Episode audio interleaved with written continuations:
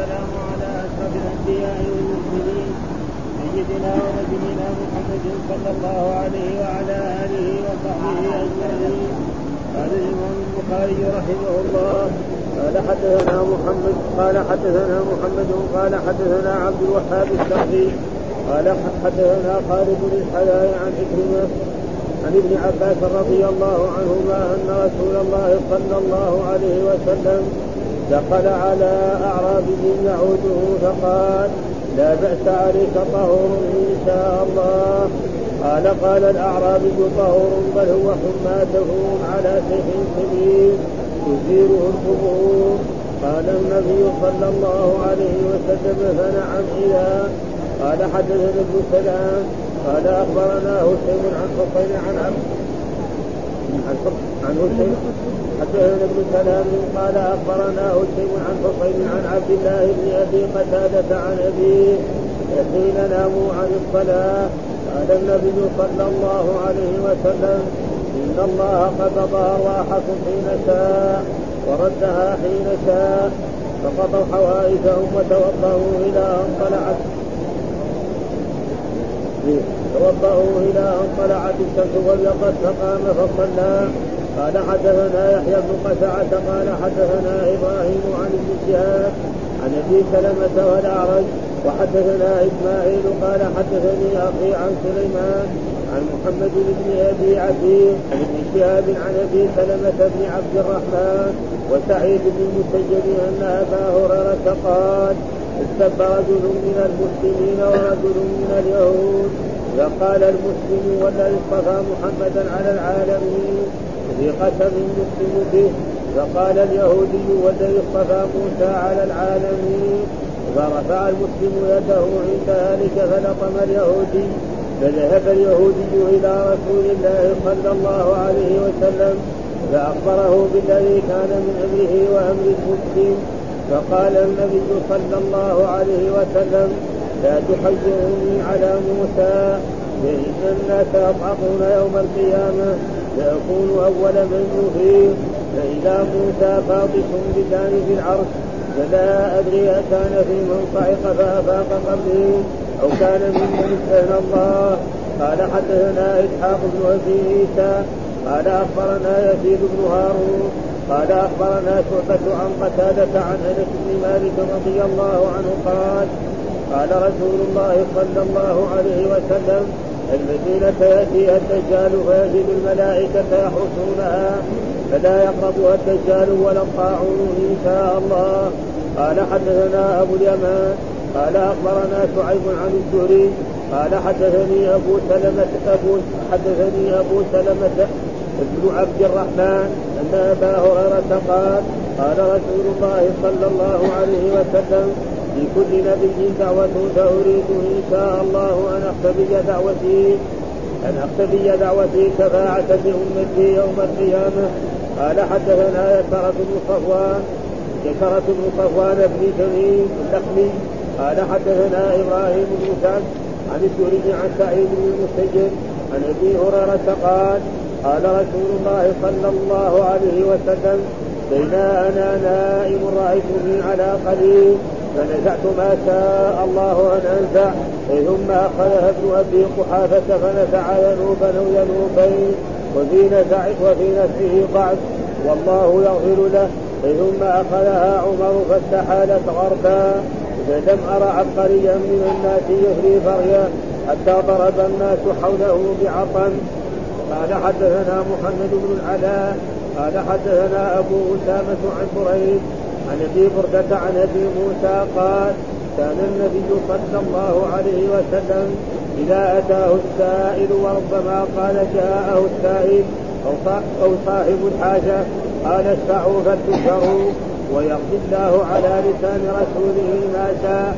قال حدثنا يحيى قال حدثنا عبد الرزاق معمر عن همام سمع أبا هريرة عن النبي صلى الله عليه وسلم قال لا يقل أحدكم اللهم اغفر لي شئت وارحمني شئت اللهم اغفر لي شئت ارحمني شئت ارحمني شئت واجعل مسألته انه يفعل ما يشاء لا مخرج له قال حدثنا عبد الله بن محمد قال حدثنا أبو حفص أبو حفص عمرو قال حدثنا الأوزاعي قال حدثني ابن شهاب عن عبد الله بن عبد الله بن عتبة بن مسعود عن ابن عباس رضي الله عنهما أنه تمارى هو أنه تمارى هو وحر بن قيس بن حصن الفزاري بصاحب موسى فهو خبير فمر بهما ابي بن كعب الانصاري فدعاه ابن عباس فقال إني تماديت أنا وصاحبي هذا في صاحب موسى الذي سأل السبيل إلى لقيه هل سمعت رسول الله صلى الله عليه وسلم يذكر شأنه قال نعم. إني سمعت رسول الله صلى الله عليه وسلم يقول بين موسى في ملأ بني إسرائيل جاءه رجل فقال هل تعلم أحدا أعلم منه فقال موسى لا. أوحي إلى موسى بلى. عبدنا خبير فسأل موسى السبيل إلى لقيه فجعل الله له الحوت آية. وقيل له إذا فقدت الحوت فارجع فإنك سترقاه فكان موسى يتبع أثر الحوت في البحر فقال فتى موسى فقال فتى موسى لموسى أرأيت إذا وينا إلى الصخرة فإني نسيت الحوت. وما أنساني إلا الشيطان أن أذكره. قال موسى ذلك ما كنا نبغي. فارتدا على آثارهما قصصا.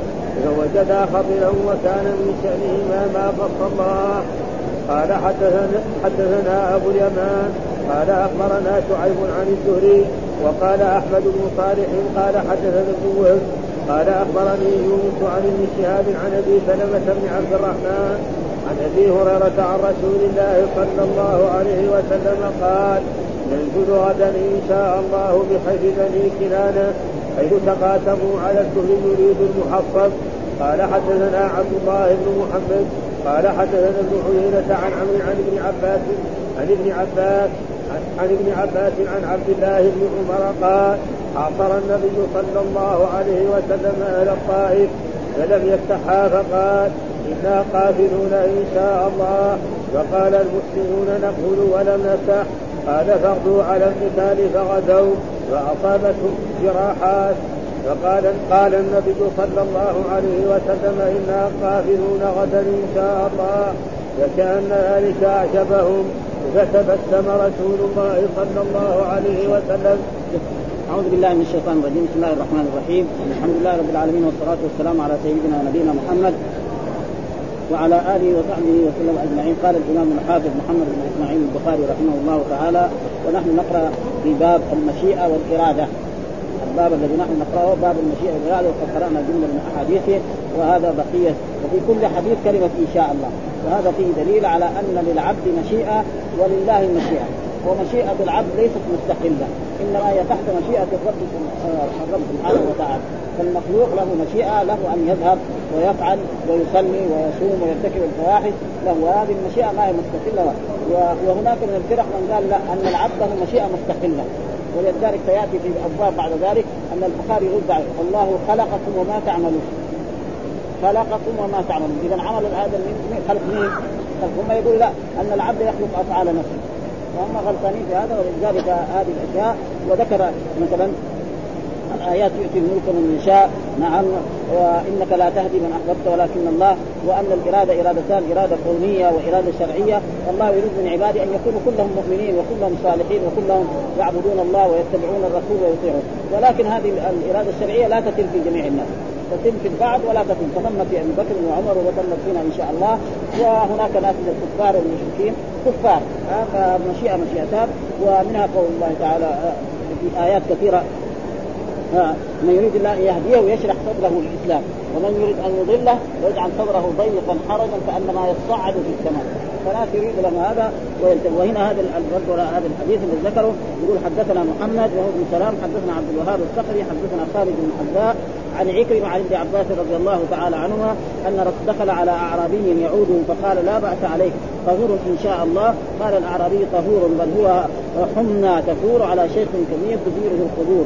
قال النبي فنعم اذا يكون هذا دخل الرسول على اعرابي والاعرابي من يسكن البادية وفيهم جفاء وفيهم والله ذمهم في كثير من آياته الأعراب أشد كفرا ونفاقا والاعرابي كل من يسكن البادية سواء كان عربيا أو اعجميا كل من يسكن البادية حتى لو كان في أمريكا يسكن في البادية فإنه يسمى اعرابي ها؟ ولكن العربي من ينتسب إلى عدنان أو إلى قحطان. فهذا الاعرابي يعود يعني وهذا من إيه؟ من كرم رسول الله صلى الله عليه وسلم يزور يعني العظيم الضعيف والفلان فقال لا بأس عليك. ها وهذا كان من من هدي رسول الله أنه إذا زار إنسان دعا له بالشفاء وقال لا بأس عليك. طهور إن شاء الله. وهذا محل الشاهد. إن شاء الله. يعني لو قبل هذا الأعرابي يمكن خلاص يشفى من هذا المرض. لكن قال لا هذه هذه حمى شديدة. وأنا رجل كبير معناه ان أني سيموت أنه سيموت. طهور إن شاء الله. فقال قال الأعرابي طهور بل هو لا يعني ما هو طهور هذا. ها بل هو حمى تدور على شيخ كبير. رجل كبير معلوم أن الكبير لما الناس يعني يؤمن إنه تزيله الطوفان فنعم اذا ما دام أنت أردت هذا وبالفعل حصل له ذلك. بعد أيام يمكن انه ومحل الشاهد الذي يريد الإمام البخاري لا بأس عليك طهور إن شاء الله. ها؟ فإذا لو شاء الله شفاءه لشفى وإذا شاء الله موته فلله المشيئة والقرآن وما تشاءون إلا أن يشاء الله. هذا الحديث الثاني قال حدثنا ابن سلام قال أخبرنا هشيم عن حسين عن عبد الله بن أبي قتادة عن أبيه قتادة حين ناموا عن الصلاة قال النبي صلى الله عليه وسلم إن الله قبض أرواحكم حين شاء وردها حين شاء. فقدوا حوائج فقدوا حوائجهم وتوضأوا فقضوا حوائجهم فقضوا حوائجهم وتوضأوا إلى أن طلعت الشمس الشمس وابيضت وقاموا وصلى. وهذا فرض هذا الحديث عن هؤلاء الأئمة وعن عبد الله بن قتادة عن أبيه حين ناموا. وهذا كان الرسول في سفرة و... وقرب من مكان فنزل الرسول صلى الله عليه وسلم وأمر أصحابه أن يرتاحوا ويناموا. معلوم الإنسان لما يسافر يعني يكون متعب فينام وأمر بلال أن يحرس الفجر. ها ينتبه للفجر فإذا جاء الفجر يوقظ الرسول صلى الله عليه وسلم ويوقظ أصحابه ليصلوا الفجر في وقتها. إن الصلاة كانت على المؤمنين كتابا موقوتا نعم وكان يعني بلال يعني توجه إلى المشرق وخلى بعيره وكان يصلي. فبعض كذلك هو متعب أخذه النوم. فنام هو ونام جميع يعني الجيش اللي مع رسول الله صلى الله عليه وسلم ولم يصحوا إلا بعد على طلوع أو طلعت الشمس. فلما طلعت قال الرسول هو أول من قام فقال اذا فصح الصحابة فقال ما هذا؟ قال الرسول قال هذا واد إيه؟ يعني فيه شيطان لأنه جماعة من أصحاب الرسول يعني يجي لهم 100 أو أكثر أو أقل أو أكثر كلهم يناموا ما أحد يصحى مع أنه ما عادتهم الصح من هذا فقال هذا يعني واد فيه شيطان وأمرهم أن يرتحلوا من ذلك المكان إلى مكان آخر وعندما بعدوا عن ذلك المكان أمرهم أن يتوضأوا وأن يصلوا أول يصلوا ركعتي الفجر ثم صلوا الفجر بعد طلوع الشمس وهي مرتفعة. وهذا من نام عن صلاة أو نسيها فليصليها متى ما ذكر. ومحل الشاهد الذي يريده الإمام البخاري ها حين شاء. ان الله قبض أرواحكم حين شاء. هذا محل الشاهد. ها الله قبض أرواحكم حين شاء. من الأشياء المشيئة لله سبحانه. ورد عليكم والله قال والله الله يتوفى الانفس حين موتها والتي لم تموت في منامها ويمسك التي قضى عليها الموت ويرسل الأخرى إلى أجل مسمى، إنسان ينام يجي في الصبح تقوم ميت. ها؟ وإذا ما يصحى من النوم هذا ويعيش. المده التي شاء الله سنة سنتين عشرة مئة أكثر أقل. هذا. ومحل الشاهد حين شاء فاخذوا احوائجهم وتوضؤوا. نعم طلعت الشمس وابيضت يعني بعد ما ارتفعت فقام فصلى. وهذا هو الحكم الشرعي. من نام عن صلاة أو نسيها فليصليها متى ما ذكر. وهم كان ناموا فلا ذنب عليهم ولا شيء عليهم. وهذا الرسول أخبر ان هذا الوادي يعني فيه شيطان. لأنه كنا كنا الناس من الطيبين أصلح الأمة يناموا عن صلاة الفجر ولا يصحى ولا أحد. وهذا يعني فيه حكم شرعي. ثم ذكر قال حدثنا آه، يحيى بن قزعة حدثنا إبراهيم عن ابن شهاب عن أبي سلمة والأعرج.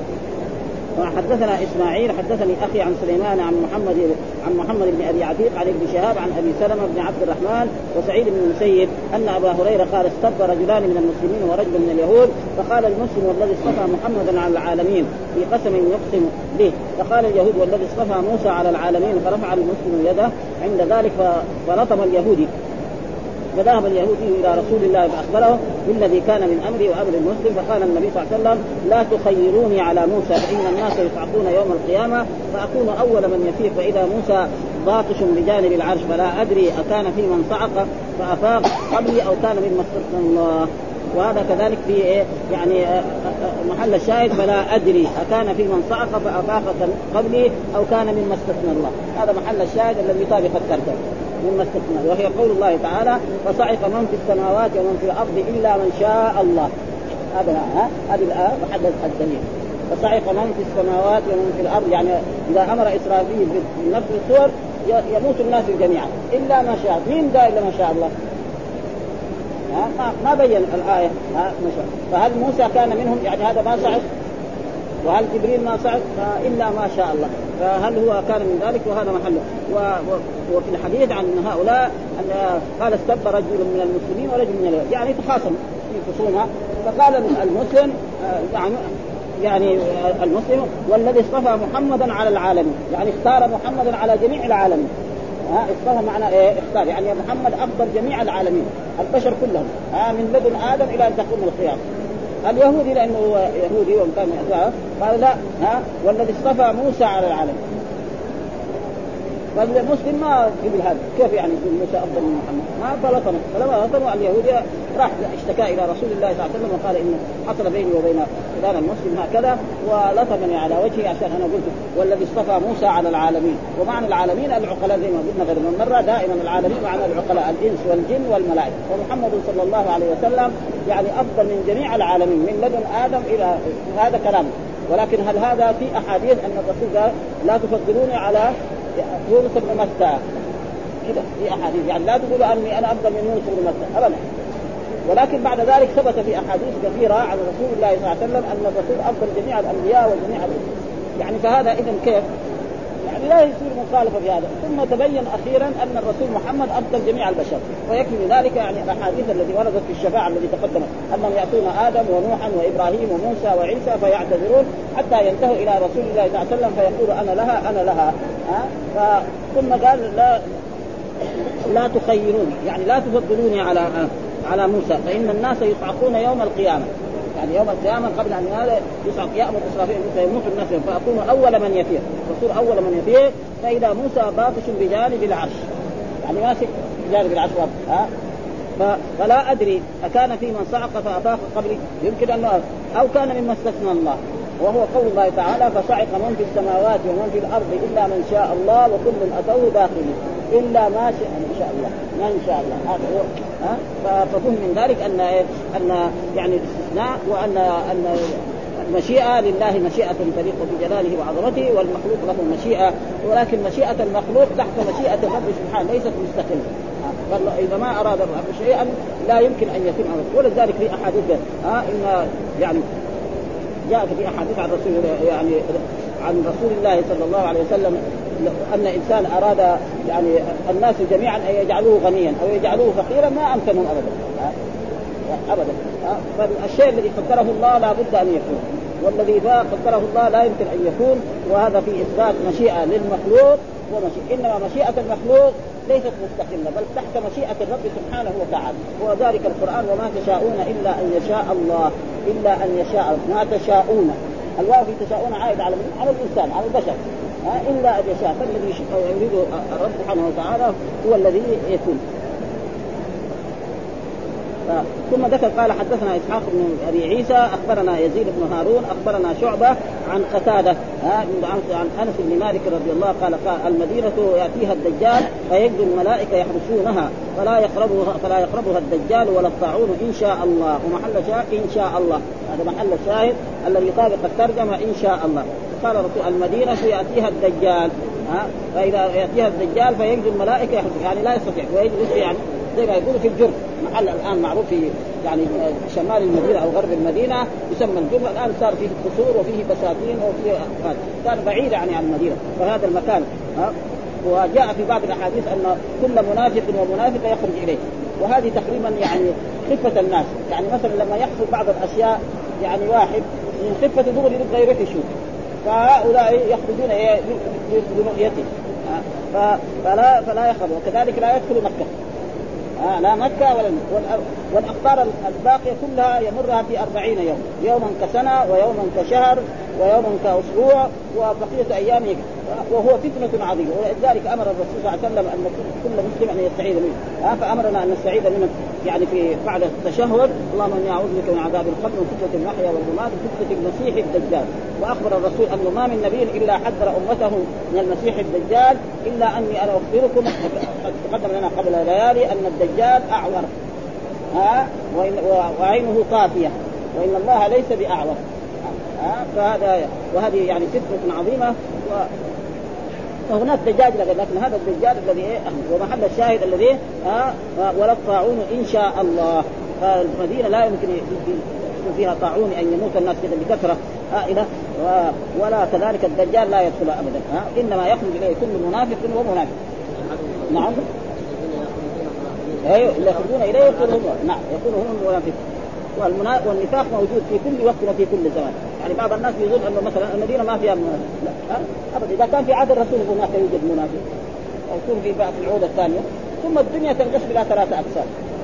ها؟ مؤمن كافر منافق. وهذا في القرآن كثير في سور كثيرة في القرآن. يكفي ذلك أول البقرة. ها؟ الذين من الغيب ويقيمون الصلاة ان الذين كفروا سواء عليهم ومن الناس. هذه هذه 13 آية في المنافقين وراء بعض.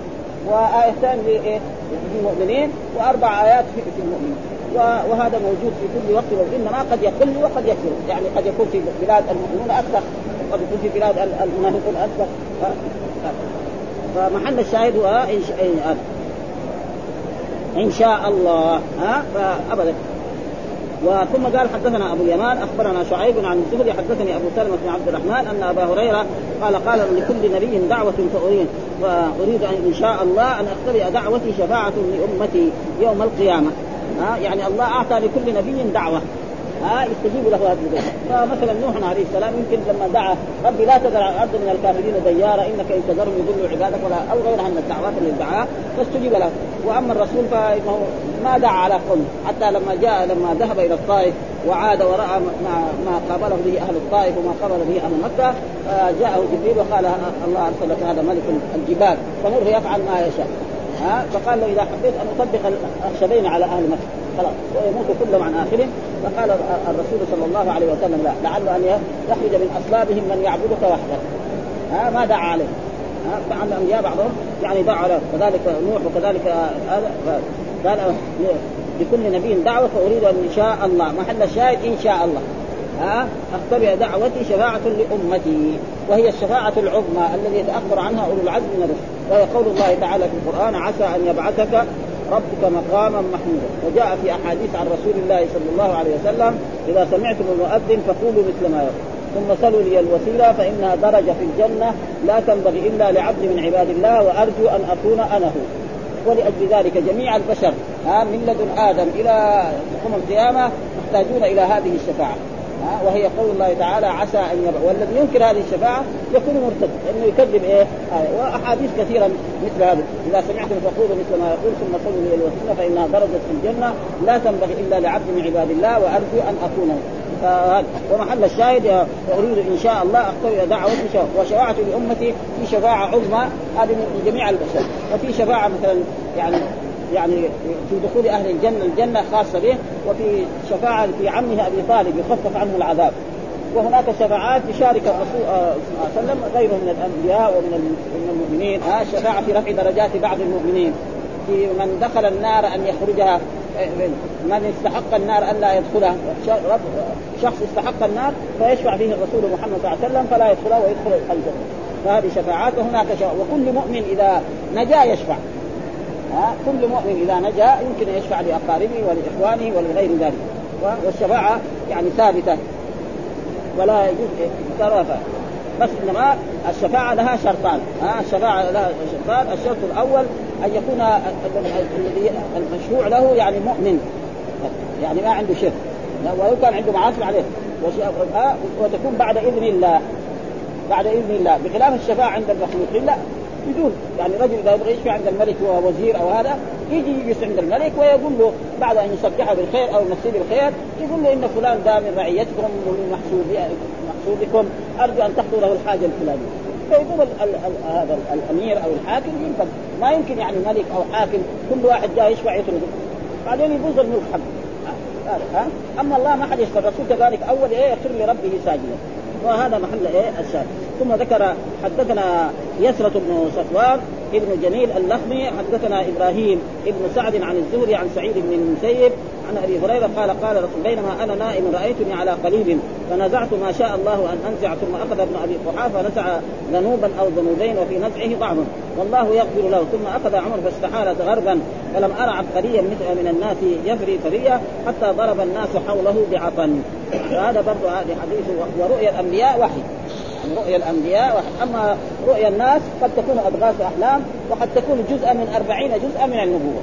يعني رجل مؤمن يرى رؤيا ممكن تصير صح آه لكن هذا جزء من أربعين جزء. أما الرسول صلى الله عليه وسلم والأنبياء كلهم رؤياهم وهذه رؤيا الرسول صلى الله عليه وسلم وهي حق وكذلك إبراهيم عليه السلام رأى أنه يذبح ابنه فنفذ هذا ما قال هذه كيف أنا أذبح ابني عشان رؤيا؟ ها؟ إني أرى في المنام أني أذبحك فانظر ماذا ترى. قال يا أبت بعد ما تؤمر تجدني إن شاء الله من الصابرين. فهنا في هذا الحديث يقول بينما أنا نائم. يعني بينما يعني في وقت من الأوقات وفي زمن في ليلة من الليالي رايتني على قليل والقليل هو البئر. لا يزال بعض البلاد إلى وقت يسمى يعني رأينا في نجد ما يسمى إلا قليل ولا يقول بئر. فنزعت ما شاء الله يعني قليل وهو نائم الرسول أنزع إيه وأخذ يعني في مكان لأجل أنا ثم أخذ فنزعت ما شاء الله أن أنزع. فالناس يشربوا والحيوانات مثلا الابل أو البقر وهذا ثم أخذ ابن أبي قحافة وهو أبو بكر الصديق رضي الله فنزع ذنوبا أو ذنوبين. ها؟ والذنوب معناه الدلو المملوء ماء هذا معنى الذنوب. الذنوب إذا ولذلك الرجل الأعرابي لما بال في المسجد فقال أمر الرسول صلى الله عليه وسلم أن يعني يعني عليه ذنوبا من ماء الذنوب وإذا كان ما في ماء يسمى ذنوب. إذا ما في ماء يسمى ذنوب. وإذا فيه ماء يسمى ذنوب. وفي نزعه والله يغفر له. وهذه دعوة من رسول الله. ثم أخذ عمر فاستحالت غربا. الغرب معنى الدلو الكبير. ها الذي يشرب مثلا إبل الذي يكون في البساتين مثلا. في مثلا ذنوب في البيره الصغيرة يكون كذا الدلو. الدلو الذنوب الذي مثلا في البساتين اللي يكون الإبل يجرها يكون إيه؟ هكذا كبير جدا. هذا معناه فاستحالت غربا. يعني فلم ارى عبقريه من الناس يفري فري حتى ضرب الناس حوله بعطن. يعني حتى شربت الإبل كلها والأغنام كلها والناس أخذوا وشربوا وكل وعادة الإبل إذا شربت ترجع إلى مكانها. نعم؟ يعني وتتمرد في المكان. ولذلك جاء في أحاديث عن رسول الله صلى الله عليه وسلم أن ممنوع أن المسلم يتخذ مكانا لا يصلي إلا نهى رسول عن إيطان كإيطان ها؟ يعني لا يجوز الإنسان يتخذ له مين له خاص الإمام. وأما المسلم فأي مكان يجده يصلي. فنهى رسول عن ايطان وعاده الإبل أن إذا شربت الماء تذهب إلى مكانها فهذه الناقة مثلا مكانها هنا تجي هنا تجلس وتتمرض في هذا. وكذلك كل جمل وكل ذلك. فيقول السعادة حتى ضرب الناس حوله بعصا يعني شربت الإبل كلها وأصبح. وهذا في فضيلة إيه؟ مر علينا في إيه؟ يعني في مناقب عمر بن الخطاب رضي الله تعالى عنه. لأنه ذكر كتاب المناقب و وفيها مناقب أبو بكر وعمر وعثمان والمهاجرين ثم الأنصار وهكذا يعني. يعني يمتاز بإيه؟ ومحل الشاهد يعني لا. يعني الذي يعني هذا فنزعت ما شاء الله. هذا محل الشاهد الذي يطابق نزع الرسول ما شاء الله أن ينزع ثم أخذها ابن ابي قحافه فنزع ذنوبا أو ذنوبين وفي نزعه ضعف والله يغفر له ثم اخذ عمر فاستحالت غربا ولم أرى عبقريا والعبقري معناه السيد المطاع يعني ولذلك في بعض الناس بيسموا يعني بعض راينا كتب حديثة مثلا من العباده مثلا عبقريه محمد عبقريه أبو بكر عبقريه عمر عبقريه خالد كنا قرأناها زمان في الزمن السابق. آه ف... ف... وهذا هم إيش السبب في ذلك؟ أنهم يريدوا يعني يترجموا للمسلمين كما يترجم الغربيين. مثلا لما نقول الرسول محمد ما حد يقدر يدخل في هذا. لكن عبقري لما يعدوا نابليون يعدوا من العبقريين. هتلر من العبقريين. لكن محمد رسول هذا ما حد يقدر يدخل فيها اللي يقول إنه رسول دجال. فهم يعني دول الجماعة كذا دائما يحبوا يعني يعني يشابه الغربيين في بعض فالفوا كتب من هذه يعني أنا قرأت بعضها. عبقريه ابو بكر الصديق عبقريه عمر بن الخطاب عبقريه خالد بن الوليد عبقريه يعني فلان كذا من الصحابة. يعني فايش الصفه الذي يمتاز بها الرسول؟ النبوة والرسالة. خلاص. هذه ما حد يقدر يدخل فيها. ها؟ لكن هم يوافقوا كذا وإلا جائز. يعني يوصف الرسول بالعبد. ثم ذكر قال حدثنا محمد بن علاء قال حدثنا أبو سامة عن يزيد عن أبي بردة عن أبي موسى قال كان النبي إذا أتاه السائل وربما قال جاءه السائل أو صاحب الحاجة قال اشفعوا فلتؤجروا ويقضي الله على لسان رسوله ما شاء. هذا محل الشاهد ما شاء فكان الرسول صلى الله عليه وسلم يقول عن أبي موسى وهو أبو موسى الأشعري قال كان النبي إذا أتاه السائل. جاء رجل يسأله شيء من الدنيا نعم مالا أو طعاما أو غير ذلك أو ناقة أو هذا ها وربما قال جاءه السائل أو صاحب الحاجة فإن الناس كان الرسول هو إيه؟ هو الذي يوزع الأموال والغنائم والفي وغير ذلك قال اشفعوا فلتؤجروا يعني اشفعوا فتقولوا بينوا إن هذا الرجل محتاج وأن إذا كان الإنسان يعرف عنه أنه صادق ها ويقضي الله على لسان رسوله ما شاء محل الشاهد ما شاء ها يعني أنتم اشفعوا فإذا شفع الإنسان نعم وحصل للمشروع ما أراده فحصل له الأجر. وإذا شفع وما رضي يعني كما الآن ما شاء الله بعض الناس يعني يشفع لدى الحكام ولا الأمراء وقد يقبل منهم فإذا قبل منهم صار إيه هو حصل له الأجر وهذاك حصل له إيه الخير. وإذا ما ما قبل الحاكم وأحسن من رأينا في ذلك الباب هو كان الشيخ عبد العزيز بن باز ها؟ الله يذكره بالخير هذا كان يشفع بالناس جميعا حتى لدى الحكام فإن قبلوا فبها ما قبلوا ما يهم شيء لكن بعض الناس ما يرضى. يعني بعض مثلا بعض الوزراء لو شفع مرة ما رضي غالبا ما يشفع له فالشفاعة هو إيه؟ أن يضم صوته إلى صوته ويقول له إن هذا محتاج وأنه كذا فيحصل لإيه؟ للشفيع الأجر وللمشروع له يمكن يحصل له هذا. ولذلك أمر الرسول قال ويقبض على لسان رسوله لأن الرسول ما يمكن أن يفعل إلا الشيء الذي إيه؟ هو محل الشاهد على لسان رسوله ما شاء. هذا محل الشاهد الذي يطابق الترجمة لأن الباب باب المشيئة والإرادة. ثم ذكر قال حدثنا يحيى. وهذه الأحاديث كلها تقدمت ولذلك الآن ما بيشرحها. كلها تقدمت بآلة. يعني بعضها في كتاب الأدعية وبعضها في كتاب آه يعني في الدعوات وبعضها في أيضا في الصلاة بعضها في الصلاة هنا في أول الكتاب يعني قبل في السنوات قرأنا. قال حدثني يحيى حدثنا عبد الرزاق عن معمر عن همام سمع أبا هريرة أنه قال لا يقول أحدكم اللهم اغفر لي إن شئت ارحمني إن شئت ارزقني إن شئت وليعزم المسألة إنه يفعل ما يشاء إنه إن الله يفعل ما يشاء. هذا يعني الرسول يقول لا يقول أحدكم ها لا يقول أحدكم اللهم اغفر لي. يعني لا يقول اللهم اغفر لي إن شئت اللهم ارحمني إن شئت اللهم ارزقني إن شئت. لا ها بل يقول اللهم اغفر لي اللهم ارحمني اللهم ارزقني اللهم ادخلني الجنة اللهم نجني من المال. لأنه إذا قال إن شئت معناه يعني إن غفر فبها ونعم. ما غفر زي بعض. ها وهذا لا يليق للرب سبحانه وتعالى إنما يليق للمخلوق. ها فالمخلوق يقول للمخلوق يعني إذا سمحت أعطني الشيء الفلاني. ها إذا سمحت أعطني الشيء الفلاني و... وإن وإذا لفظان كلها أدوات شرط بس إن إن تجزم فعلين وإذا ما تجزم. بس إذا شرطية وهذا. ولا يقول اللهم اغفر لي إن شئت اللهم ارحمني إن شئت وارزقني إن شئت. ابدا. لا يقول كذا بل يقول اللهم اغفر لي اللهم ارحمني اللهم ادخلني الجنة اللهم نجني من النار. ها وليعزم النفس. يعني وليظهر ذله وحاجته إلى إيه؟ إلى مغفرة الرب سبحانه وتعالى. نعم ورحمته. وليعزم ها إنه يفعل ما يشاء. إن الله يفعل وهذا محل الشاهد الذي يطابق الفرد فقال إن الله لا مكره له أما المخلوق فقد يكره عن الإعطاء وهو لا يحب. وذلك مثل ما مثلنا لأنه هذا الحديث ذكره في أول الباب. ثم الآن كمان عادوا ثاني مرة ليش عادوا؟ تجد إيش الحديث مختلف إيه من جهة السند. آه يعني ما هو إيه مثل زي الأول. نشوف يعني ها؟ هذا يعني مشايخ البخاري هنا حدثنا مسدد وهنا دحين حدثنا إيه يعني آه يحيى. ما هو بلاش السند مختلف. مشايخ البخاري في ذاك الأولاني غير وهنا مشايخ غير فلذلك والا كان هذا ما فهنا حدثنا يحيى وهناك حدثنا مسدد شيخ ذاك مسدد بن فرهد وليعجب فإنه لا مكره له. أما المخلوق فقد يعطي وهو مكره. مثال ذلك رجل يعني بنته أو زوجته تطلب منه شيء فلا يعطي. فإذا بكت يقول يسلم يعطي يشتري الشيء له ياتي الفستان الفلاني يشتري له بعد البكاء ها أو السوار الفلاني أو غير ذلك. أما الله ثم يعني جاء في بعض الأحاديث إنه يعني لا مكره ولا يتع... يعني شيء يعني يعجز الرب سبحانه وتعالى. ان الله لا مكره له وشيء كذلك ما يقدر عليه المخلوق. مثلا يطلب عشرة وما يقدر يأخذ. أما الله فجميع الدنيا وما فيها كلها تحتها ثم ذكر حدثنا عبد الله بن محمد حدثنا أبو حفص عمرو أبو حفص عم حدثنا الأوزاعي حدثنا ابن شهاب عن عبد الله بن عبد الله بن عتبة بن مسعود وهو هذا أحد الفقهاء السبعة عن ابن عباس رضي الله عنهما أنه تمارى هو والحر بن قيس ابن حصن الفزاري في صاحب موسى أهو خضر فمر به ما أبي بن كعب الأنصاري فدعاه ابن عباس قال إني تماديت أنا وصاحبي هذا في صاحب موسى الذي سأل السبيل يحييه. آه وقد ذكر الله ذلك قصته في سورة الكهف. آه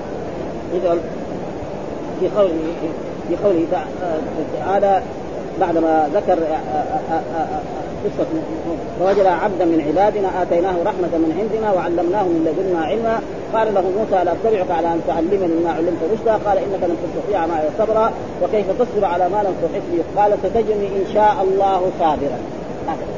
ستجدني إن شاء الله صابرا ولا اعصي لك أمرا. إيش سببه؟ أن موسى عليه السلام كان يخطب في بني إسرائيل فجاء رجل وسأله هل يوجد أعلم منك في الدنيا الآن؟ قال لهم لا. كان هذا إيه؟ يعني ما كان ينبغي له يقول الله أعلم. أو لا أدري. فقال وهذه إيه؟ يعني مسألة بسيطة. لكن الله عاتب على ذلك. إن عبدا من عبادنا عند مجمع البحرين أعلم منه. قال له طيب كيف الوصول إليه؟ قال له إنت خذ حوت واجعله في مقتل واذهب. فإذا فقدت الحوت تجد هذا العبد. وبالفعل أخذ فتاة وسافر به يعني إلى إلى جهة الحوت إلى جهة البحر يوم أو يومين حتى يعني حتى بالجوع اول في, في اول يعني اول يعني أول الآيات التي في قصة موسى عن خضر إيش هي أولها؟ وإذ قال موسى لفتاه لا أبرح حتى وإذ قال وإذ قال موسى لفتاه لا أبرح حتى أبلغ مجمع البحرين أو أمضي حقه فلما بلغ مجمع بينهما نسي حوتهما فاتخذ سبيله في البحر سربا فلما جاوز قال لفتاه آتنا غداءنا لقد لقينا من سفرنا هذا نصبا. قال أرأيت إذ أوينا إلى الصخر فإني نسيت الحوت وما أنسانيه إلا الشيطان وأنا أذكره فاتخذ سبيله في البحر. قال ذلك ما كنا نبغي فارتد على آثارنا قصصا. فوجد عبدا من عبادنا آتيناه رحمة من عندنا وعلمناه من لدنا علما. قال له موسى لا اتبعك على ان تعلمني ما قال إنك لن تستطيع معي صبرا وكيف تصبر على ما لم تصبر قال ستجني إن شاء الله صابرا. هذا الشاهد ستجني إن شاء الله. ولا أعطي قال فإن اتبعتني فلا تسألني عن شيء حتى أخذ منك فانطلق حتى إذا ركب في السفينة خرقها قال أخرقتها بشغل قال يعني الناس يركبون مجانا بدون مقابل يعني تقريبا تقريبا ما قدر موسى يعمل وبعض الناس يقولوا لا أن موسى كان أهل الظاهر والخضر أهل الباطن. ما في الدين الإسلامي أهل ظاهر وظاهر. كل الأشياء ظاهرة هذا غلط يعني ها؟ ناس من المشايخ يقولوا هذا موسى يعني من أهل الظاهر وفي ناس من أهل الباطن ها؟ ابدا لأن موسى ما قدر يصبر على لا تأخذني ما نسيت ولا ترق ولا ترقنا فانطلق حتى لقي غلاما حتى إذا لقي غلاما فقتله. قال اقتلت نفسا زكيه بغير نفس فقد جئت شيئا نكرة. قال ألم أقل لك إنك لن تستطيع معي قال إن سألتك عن شيء بعدها فلا تصاحبني قد بلغت من الذين عذرا فانطلق حتى إذا اتوا أهل قريه فقام اهلها فأبوا أن يضيفونا فوجد فيها جدارا يريد أن ينقض فاقام قال لو شئت لاتخذت عليه اجر قال هذا فراق الرسول مر علينا في احاديث يقول لو كان موسى صبر كان يصير إيه؟ يعني جمله من الأشياء قصص طيبة يعني. ها فوائد علميه لكن موسى في الحال ثلاث مرات يقول لك لا تسألني وتسألني يعني تقريبا ما ما ينبغي. ها أقول لك لا تسألني تسألني المرة الأولى تقول نسيت المرة الثانية المرة الثالثة. ها ما يعني ما ما هو ما هو لائق هذا وبعد ذلك بين الله إيش السبب هذه القصة. وهذا محل الشاهد يعني. ها يذكر شأنه قال نعم إني سمعت يقول بينما موسى في ملأ والملأ معنى الأشراف يعني. ها بني قال الملأ الذي إذ جاءه رجل فقال هل تعلم أحدا أعلم منك؟ قال موسى لا. ها؟ هذا.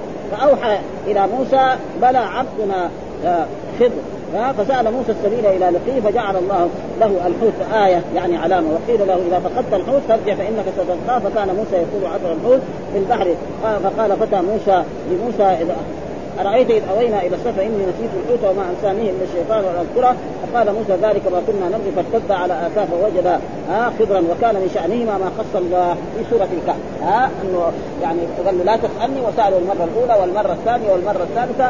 ثم بعد ذلك قال هذا فراق بيني وبينك سانبئك بما نتصل عليه صبرا. أما السفينة فكانت في مساكين يعملون البحر فأردت أن أعيدها.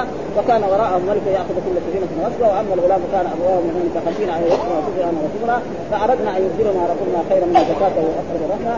وأما الجدار فكان لغلامين يتيمين في المدينة وكان تحتهما كنز وكان أبوهما صالح فأراد ربك أن يبلغ أشدهما ويستخرج كنزهما رحمة. وما فعلت عن أمر ذلك تأويل ما لم تستطع به صبرا. القصة عليه السلام ها؟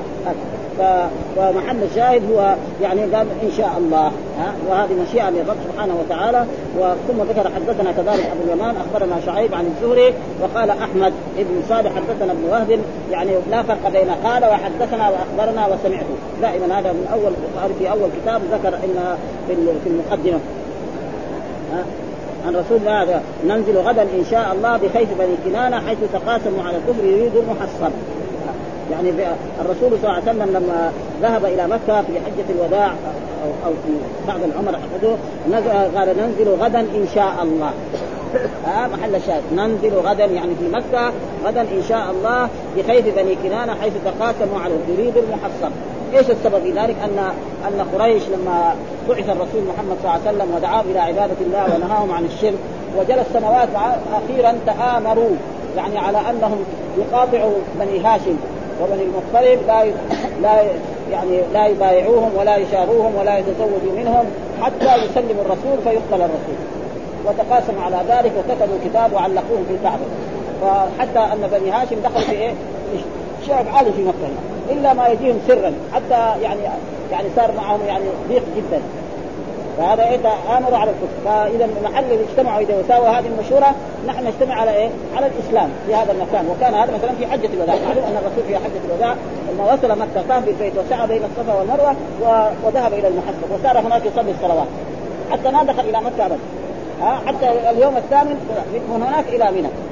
وكذلك لما نزل من من منى يوم ليله 14 نزل في المحصب فلما كان محل اجتماع الكفر واجتماع الشرك واجتماع الباطل يجتمع إيه أهل الإسلام في موضع يجتمع فيه أهل الشرك. آه، ثم بعد ذلك بعد بعض عقلائهم هذا ظلم. هذه أبناء عمنا يعني نحن نتمتع ناكل ونشرب وهذا. ها آه، فقاموا دبروا هذا في الليل وافسدوا هذا الأمر وذهبوا إلى الصحيفه ووجدوها قد أكلتها العقده إلا إلا باسمك اللهم. بس. العسر اللي كتبه يعني هذا كذا كذا كذا. إنه باطل. الباطل ربنا ازاله وبيجي بيسال اللهم فهذا معناه يعني ومحل الشاهد ننزل غدا إن شاء الله بخيف بني كنانة. ها؟ إن شاء الله. وفي الفعل حصل ذلك أن الرسول نزل بهذا. وهذا إثبات المشيئة لله سبحانه وتعالى. وسيأتي بعد ذلك أحاديث يبين فيها مشيئة المخلوق. الظاهر في باب والله خلقكم وما تعملون. ثم ذكر حتى حدثنا عبد الله بن محمد حدثنا ابن عيينة عن عمرو بن عن ابن عباس بن عبد الله بن عمر قال قال حصل النبي صلى الله عليه وسلم أهل الطائف. ها فلم يفتح فقال إنا قافلون إن شاء الله. هذا محل شيء إن شاء الله. فقال المسلمون نقفل ولا آه ولم ولم نفتح. آه فقال فغدوا على القتال. فغدوا فأصابتهم جراحات. قال النبي إنا قافلون غدا إن شاء الله. فكأن ذلك أعجبهم. فتبسم رسول الله صلى الله عليه وسلم.